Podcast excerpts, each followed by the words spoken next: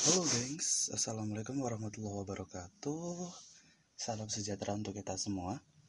Balik lagi nih sama gue, Tata. Tetap di cerita-cerita gue juga. Um, Kali ini gue mau cerita nih Tentang pengalaman-pengalaman orang-orang di desa gue Termasuk pengalaman gue pribadi ketika gue belum di Jogja itu waktu gue masih di Bengkulu. Lebih tepatnya di Muko-Muko sih sebenarnya. Oke jadi kan di daerah gue tuh uh, gambaran umumnya ya gambaran umumnya. Gue itu tinggalnya di sebuah emplasement gitu emplasement buat karyawan PT uh, eh, PT Kelapa Sawit gitu salah satu PT kelapa sawit yang ada di sana.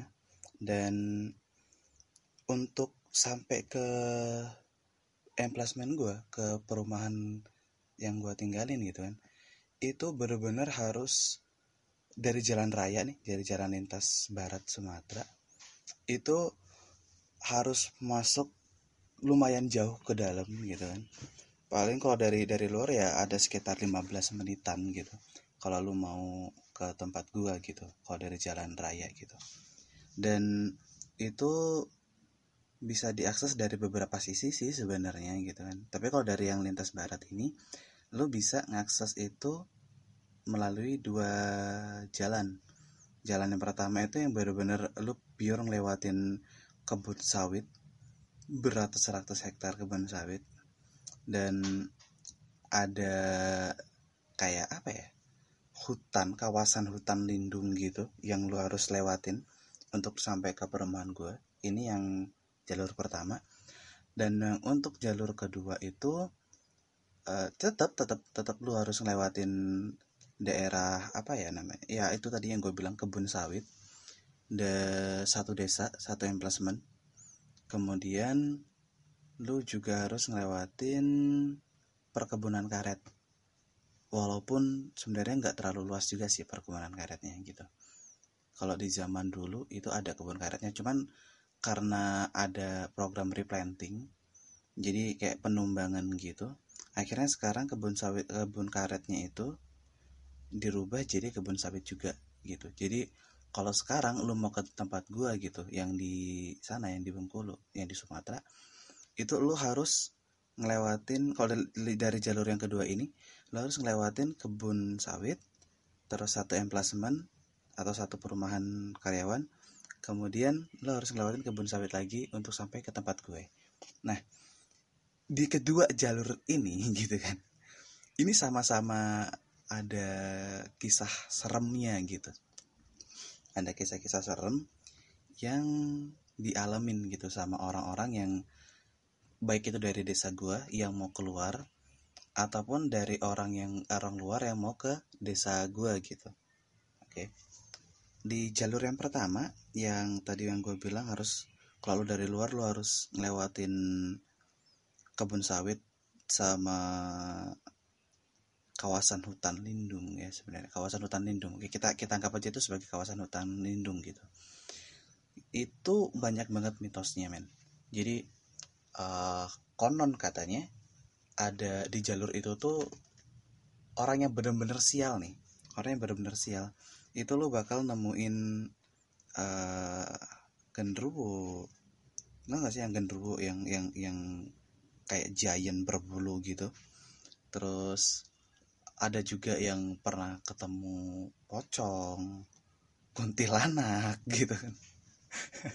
Pokoknya ini jalur tuh lumayan menyeramkan gitu dan uh, ada ada satu titik di mana kedua jalur ini akan bertemu gitu kan. Nah, di titik ini, di titik pertemuan ini, itu dulu pernah ada yang ngeliat belum malam sih, sore-sore sekitar uh, ya mungkin sekitar jam 5 ya, karena di sana itu maghribnya itu jam setengah tujuh normalnya atau jam 6 lewat lewat uh, 15 17 kayak gitu. Jadi beda banget waktunya sama di Jogja. Jam di Jogja jam setengah enam aja udah, udah maghrib gitu kan. Beda banget gitu. Nah lu bayangin aja uh, kondisinya seperti apa ya? Kira-kira sekitar 1 sampai 2 jam 1 sampai satu setengah jam setelah azan asar lah udah. Pokoknya kurang lebih kayak gitu. Nah itu mereka pernah pernah ada yang lihat di situ tuh sosoknya tuh kayak cewek. Kayak cewek dikira itu kayak warga di situ gitu kan. Ya kan karena yang nama di daerah emplacement kayak gitu ya jujur aja nih Uh, para lakinya kerjanya kerja tuh kerja manen sawit kerja di jadi mandor. Ini kerja di perkebunan kayak gitu dan uh, ibu-ibunya gitu kan. Untuk yang para istri itu banyak banget yang mereka itu juga ikut kerja di situ ada yang uh, brondol brondol itu tuh yang ngambilin uh, apa ya yang ngambilin jadi uh, lu tau kelapa sawit kan modelnya kan? Dan dan kalau misalkan itu kan kalau manen tuh harus yang udah matang banget tuh. Nah kalau dipanen jatuh ke bawah itu pasti ada kayak biji-biji yang lepas gitu dari tandannya si kelapa sawit itu kan. Nah itu orang-orang yang ngumpulin ngumpulin kayak gitu itu namanya orang yang lagi ngebrondol kalau di tempat gua namanya. Nah terus uh, itu juga ada yang uh, istilahnya tuh nyepring. Nyepring itu yang uh, lu nenteng uh, semprotan yang buat yang buat ngapain gulma di di apa di perkebunan sawit gitu. Nyepring atau nyemprot. Kalau di timnya itu namanya tim spraying gitu. Jadi tim yang benar-benar kayak khusus buat nyemprot uh, ya banyak banyak banyak gulma gitu. Yang bisa menghambat pertumbuhan si sawit ini gitu. Itu yang uh, oh terus ada lagi satu mumpuk gitu. Jadi uh, tim yang kerjanya mumpuk ini dia kayak naburin pupuk di sekitar uh, batang sawit kayak gitu. Nah jadi ada ada tiga nih ada tiga kerjaan nih buat wanita-wanita uh, yang ada di sana gitu kan. Nah uh, yang lihat ini gitu itu enggak sendirian gitu loh. Jadi mereka tuh sebenarnya awal tuh rombongan ya rombongan. Jadi dari dari emplacement gue mau ke apa mereka tuh kayak nyuci motor gitu nyuci motor di emplacement yang yang tadi yang gue bilang kalau lu di jalur dua ya di jalur dua yang kalau misalkan lu mau ke tempat gue lu bakal ngelewatin uh, perkebunan sawit emplacement terus perkebunan sawit baru ke tempat gue gitu kan. Nah mereka ini ke ini ke emplacement yang ini yang sebel yang yang sebelum di, yang sebelum sampai di tempat gue gitu. Sorry rada belibet. Nah uh, tujuannya tuh memang mereka tuh pengen nyuci motor gitu. Karena kan kalau di situ kan uh, ada di kayak di bengkel gitu dan lo tau kan kalau bengkel uh, workshop gitu itu kan ada yang kayak buat bersihin mobil itu nyemprot kayak gitu. Jadi nggak perlu ini banget gitu. Sambil sekalian emang pengen jalan-jalan aja gitu. Nah mereka itu uh, berangkatnya rombongan bareng-bareng gitu. Dan namanya juga masih anak-anak remaja tanggung banget gitu kan. Rusuh dong di jalan gitu kayak bener-bener kayak digas-gas terus motornya di apa ya kayak pasang knalpot yang berisik banget gitu. Jadi sepanjang perjalanan mereka tuh berisik gitu. Tapi emang mereka nggak ngebut nggak ngebut tapi uh, suara motornya dikencengin gitu. Nah waktu mereka balik nih waktu mereka balik mereka itu malah saling kebut-kebutan. Aneh kan? Maksudnya lu habis cuci motor otomatis itu motor lu masih basah dan dan lu ngebut gitu. Ya kotor lagi lu mikir gak sih? Masalahnya di tempat gue itu bukan jalanan aspal ya masih jalanan tanah gitu. Tanah dan koral yang kalau misalkan lu hujan aduh lu jalan kaki aja bisa kepleset men gitu. Lu bisa kepleset dan jatuh gitu. Daerah gue tuh masih kayak gitu di pedalaman banget maksudnya. Bukan nggak di pedalaman banget maksudnya masuk ke dalam gitu. Dan ya mungkin juga karena memang mau gerimis dan mereka ngejar waktu supaya nggak kehujanan di jalan juga ya mungkin gitu. Tapi ini ada nih ada mereka itu uh, kalau gua nggak salah inget Agung sama Dayo. Nah si Dayo ini sekarang udah almarhum ya uh, dia meninggal karena kecelakaan. Semoga dia tenang di alam sana gitu ya nah si Agung ini ini bukan Agung yang temen gue ngekos beda lagi gitu. Beda lagi orangnya. Nah mereka ini ketinggalan di belakang karena memang mereka kayak lu apaan sih? gitu. Maksudnya lu habis nyuci motor tapi kenapa harus kenceng-kencengan? gitu. Ya kalau kalau mau hujan ya udah sih hujan aja gitu. Toh basah juga tetap basah gitu kan.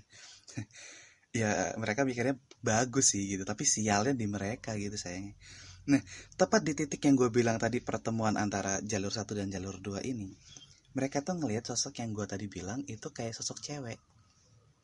Dalam suasana yang gerimis di jam-jam segitu. Uh, awalnya mereka kayak hmm, kok ibu-ibu yang kerja kok jam segini belum balik? Gitu. Karena normalnya emang balik itu sekitar um, jam 2 itu udah sampai rumah normalnya dan ini udah sampai jam limaan gitu kan. Lah ngapain ini gitu. Dan kayak media itu kayak pakai daster gitu loh. Dan semakin dekat dia, dia mereka penasaran gitu ngapain sih ibu-ibu gitu kan. Terus ngeliat begini ternyata tuh lagi hamil men.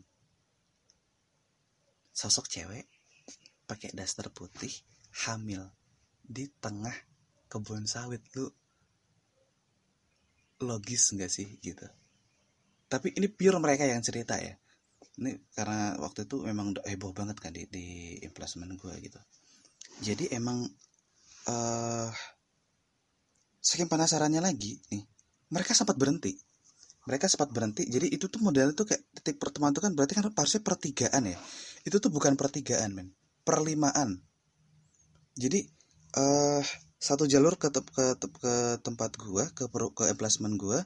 Satu jalur yang yang dari jalur satu tadi terus jalur dua. Jadi kan udah ada tiga nih.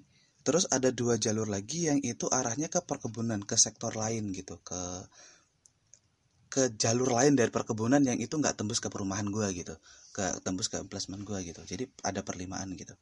Nah dia ini nggak nggak pas di pertengahan ini nggak tapi agak ke pinggir agak ke pinggir perlimaan itu gitu. Jadi kayak kayak di pinggir jalan gitu. Mereka berhenti di perlimaan itu mereka berhenti mereka ngelihat anjir gua merinding anjir. Jadi mereka ngelihat si sosok ini ternyata itu dia tuh kayak berdarah daya. Lu lu tau gak sih kayak misalkan orang yang mau melahirkan terus pendarahan gitu. Kayak gitu yang dia lihat. Serem banget kan itu oh, anjir gue merinding banget. Gue gue ingat banget situasi kayak gitu kan. Dan seperti yang gue bilang kemarin gitu kalau gue uh, dengar suatu cerita itu seolah-olah kayak gue masuk ke ruang kosong yang gue ngelihat itu secara langsung gitu loh. Jadi iya oke okay, itu serem banget sih.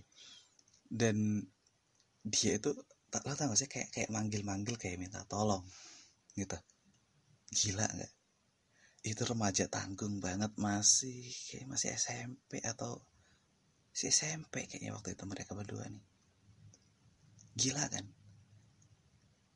Dan itu mereka langsung udah kayak uh, si si si Agung itu sempat turun gitu kan. Begitu tahu kayak gitu dia langsung lompat ke motor Dayo ini almarhum Dayo itu langsung ngegas motornya kenceng banget sampai full banget di perjalanan mereka nangis mereka teriak-teriak minta tolong gitu mereka nangis kenceng banget gitu di perjalanan gitu. Sampai di perumahan sampai di emplacement gue mereka masih nangis. Jadi kan orang kan bingung ya penasaran ya eh, lu kenapa gitu? Kok sampai segitunya gitu kan? Terus mereka uh, di ditenangin di apa di disuruh di ya ditenangin lah ditenangin. Kayak orang nangis ditenangin gimana sih gitu kan.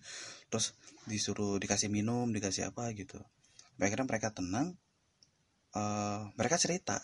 Mereka cerita tuh masih sambil kayak nangis sesenggukan gitu kan. Mereka cerita kalau mereka ngeliat begini ngeliat ini ngeliat ini ngeliat ini gitu. Wah gila dong langsung geger dong satu emplacement gue langsung geger terus kayak apa ya kayak uh, itu kan di jam-jam segitu kan kayak bapak-bapaknya juga udah pada balik ya udah pada balik kerja gitu karena sampai normalnya mereka kerja itu memang jam kerja sampai jam 2 terus ada yang kadang uh, ini lu tau gak sih sistem nyicil gitu kan? Jadi kan kalau kayak ada ada ada target per hari yang misal lu harus 40 buah atau lu harus sekian buah gitu yang harus lu turunin harus lu keluarin dari dari apa dari daerah yang lu garap gitu kan. Nah mereka ini normalnya tuh ada yang nyicil gitu. Nyicil ini pun biasanya sampai asar sampai jam 4 gitu mereka udah pada di rumah gitu. Jadi otomatis di jam segitu bapak-bapaknya udah pada di rumah. Wah gila men. Langsung pada ngeluarin motor nyiapin motor langsung mereka ke lokasi. Karena takutnya gini maksudnya uh, pikiran pikiran kami saat itu gitu ya. Kita nggak mikir ini setan awalnya gitu nggak kepikiran sama sekali ini setan. Tapi kita mikirnya adalah bayangin kalau misalkan uh, itu manusia ya. Di jam segitu sore-sore hamil pendarahan di tengah kebun. Ini yang yang yang bikin walaupun walaupun pikiran udah kayak aduh ini kayaknya bukan manusia sih. Tapi ada sisi di mana kayak sisi kemanusiaan mereka ini ya ya karena gue nggak ikut jadi gue bilang mereka ya. Mereka ini kayak kalau sampai ini manusia beneran gimana? gitu. Akhirnya itu keluar keluar dari emplacement gue ke titik itu ke tempat itu sekitar 10 sampai 15 motor gitu. Jadi emang dan itu tuh boncengan kan. Memang di tempat gue emang rame sih emang rame emplacement itu emang rame ada uh, kalau cuma sekitar 50-60 kepala keluarga aja ada gitu. Jadi emang tuh tempatnya rame ini langsung keluar segitu ya ada bapak-bapaknya juga ada ibu-ibunya ada cuman kalau untuk kayak remaja-remaja emang nggak boleh ikut.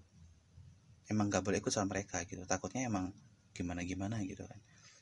Sampai di tempat dicariin dong. Dicariin di titik yang diceritain sama anak-anak. Tadi kan anak-anak ini kan emang nggak berani ikut gitu disisir itu daerah sampai ke sampai uh, mereka mencar gitu kan mencar ke ke lima jalur itu gitu kan. Ke empat jalur lainnya sih lebih tepatnya karena satu jalur ada dipakai gitu. Kan mencar nyari sekitar setengah jam nggak ketemu men. Dan itu unlogic banget kalau misalkan uh, lu ngebayangin kalaupun misalkan si ibu-ibu itu atau si wanita itu jalan kuat pun dia jalan dengan kondisi itu lu nggak bakal ngira kalau itu sampai sejauh itu buat jalan dan nggak ketemu gitu. Dan nggak mungkin juga dia dia bakal lari ke perkebunan gitu. Karena itu benar-benar perkebunan sawit yang nggak ada orang lain di situ gitu. Jadi kalau misal pun uh, dia mau cari bantuan dengan kondisi kayak gitu pastinya dia jalan ke arah perumahan. Dan kalaupun dia pendatang dia nyasar pun salah milih jalan harusnya nggak jauh dari situ gitu. Ini mereka udah nyari sekitar setengah jam sampai uh, ada beberapa juga yang benar-benar kayak masuk lagi ke lah ke ke perkebunan sawit gitu benar-benar ke kebunnya gitu nyari siapa tahu uh, neduh atau gimana gitu kan dengan kondisi kayak gitu. Nggak ketemu sama sekali nggak ketemu. Deh itu salah satu hal yang bikin geger gitu di tempat gua gitu terus ada beberapa sih sebenarnya. Selama gue tinggal di sana berarti sampai SMA ya. Sampai SMA gue di sana itu ada beberapa kejadian yang memang bikin geger bikin rame gitu kan. Itu salah satunya yaitu dan sampai sekarang kita masih belum tahu. Maksudnya itu makhluk uh, gaib kah? Atau beneran manusia kah gitu? Karena uh, kalau itu manusia kayaknya juga nggak mungkin gitu maksudnya. Nggak mungkinnya adalah di kondisi yang seperti itu. Ya gue langsung kebayang nyokap gue sih sebenarnya ya dalam kondisi kayak gini. Kalau gue dulu ngeliat nyokap gue pas ngandung adik gue gitu itu kebayang banget itu susahnya gitu.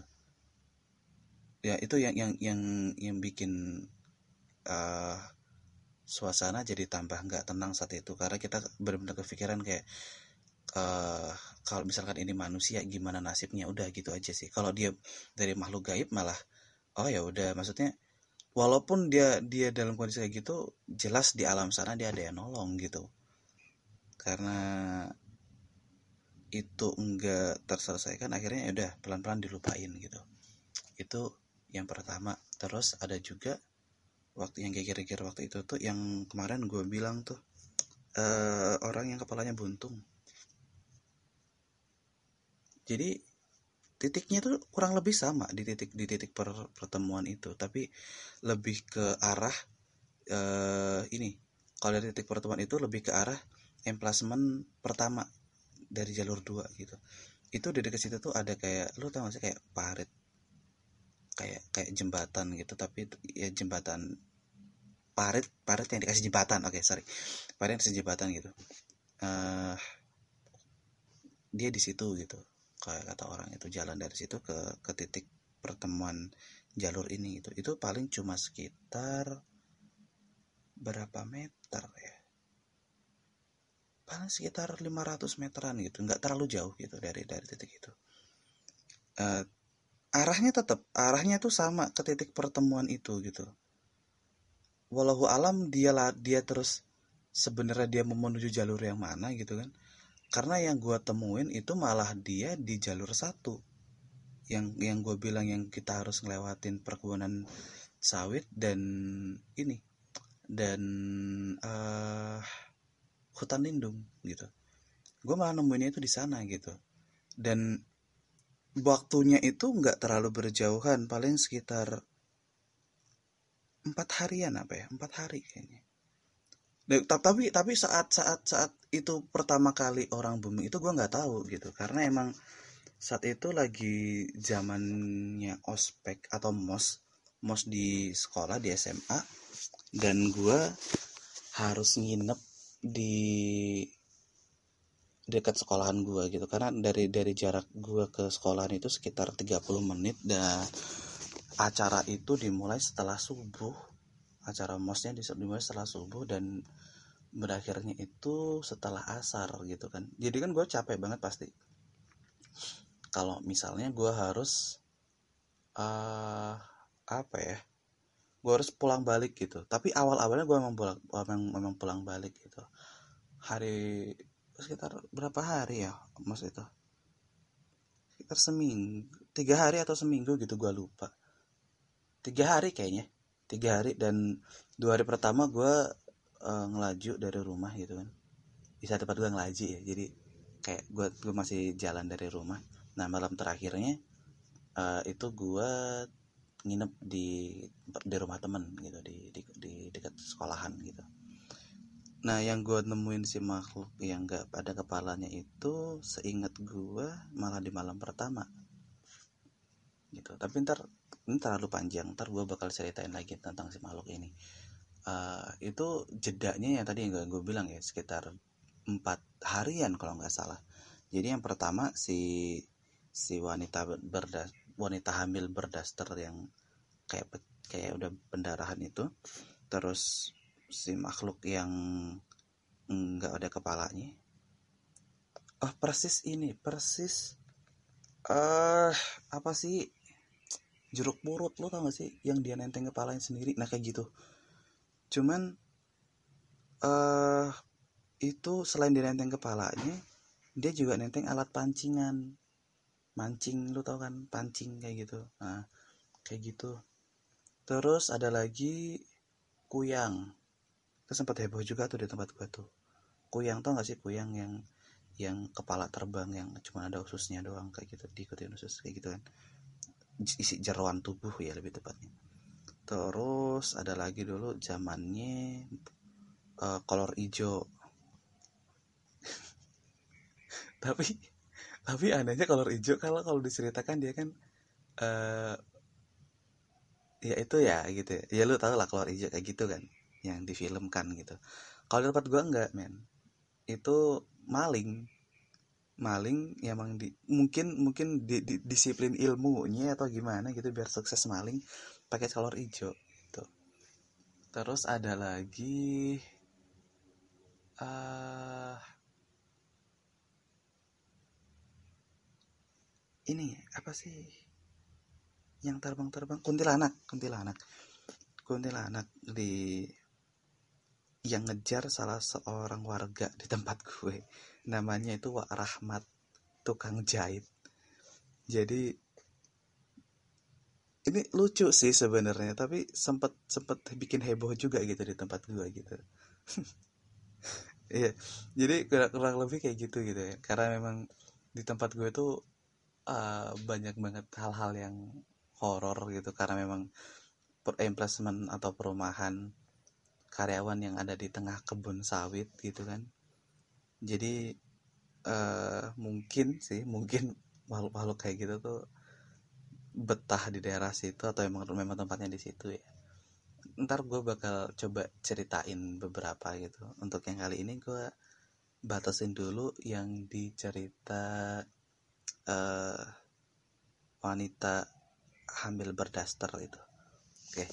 uh, eh, next time gue bakal cerita lagi uh, yang lainnya gitu ya semoga lu semua juga nggak bosan dengan durasi cerita gue yang lumayan panjang gitu karena gue nggak pakai skrip gue nggak ini gue bener-bener cerita sesuai dengan apa yang gue inget dan gue coba untuk deskripsikan itu sesedetail mungkin gitu ya oke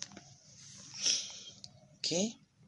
Uh, mungkin ini dulu untuk yang kali ini gitu ya yang kali ini bisa gue share gitu ke kalian. Gue bakal coba cerita yang lain lagi. Tetap kalau misalkan kalian ada beberapa konten yang mau di request boleh silahkan aja. Bisa ke email gue juga bisa. Atau mungkin kalian yang memang kenal gue secara langsung punya kontak gue bisa juga uh, langsung WA atau apa pun caranya gitu ya. Atau waktu lu ketemu terus uh, lu ngomong gitu oh, coba lu bahas ini dong gitu. Nanti kalau misalnya gue bis gue itu masih dat masih dalam ranahnya buat gue bahas gue bakal bahas dan gue bikinin ceritanya gitu. Oke okay, uh, eh, sekian dulu. Thank you banget udah ngedengerin gue juga bener-bener butuh banget masukan dari lu semua Thank you banget. Wassalamualaikum warahmatullahi wabarakatuh. Salam sejahtera untuk kita semua. Bye bye.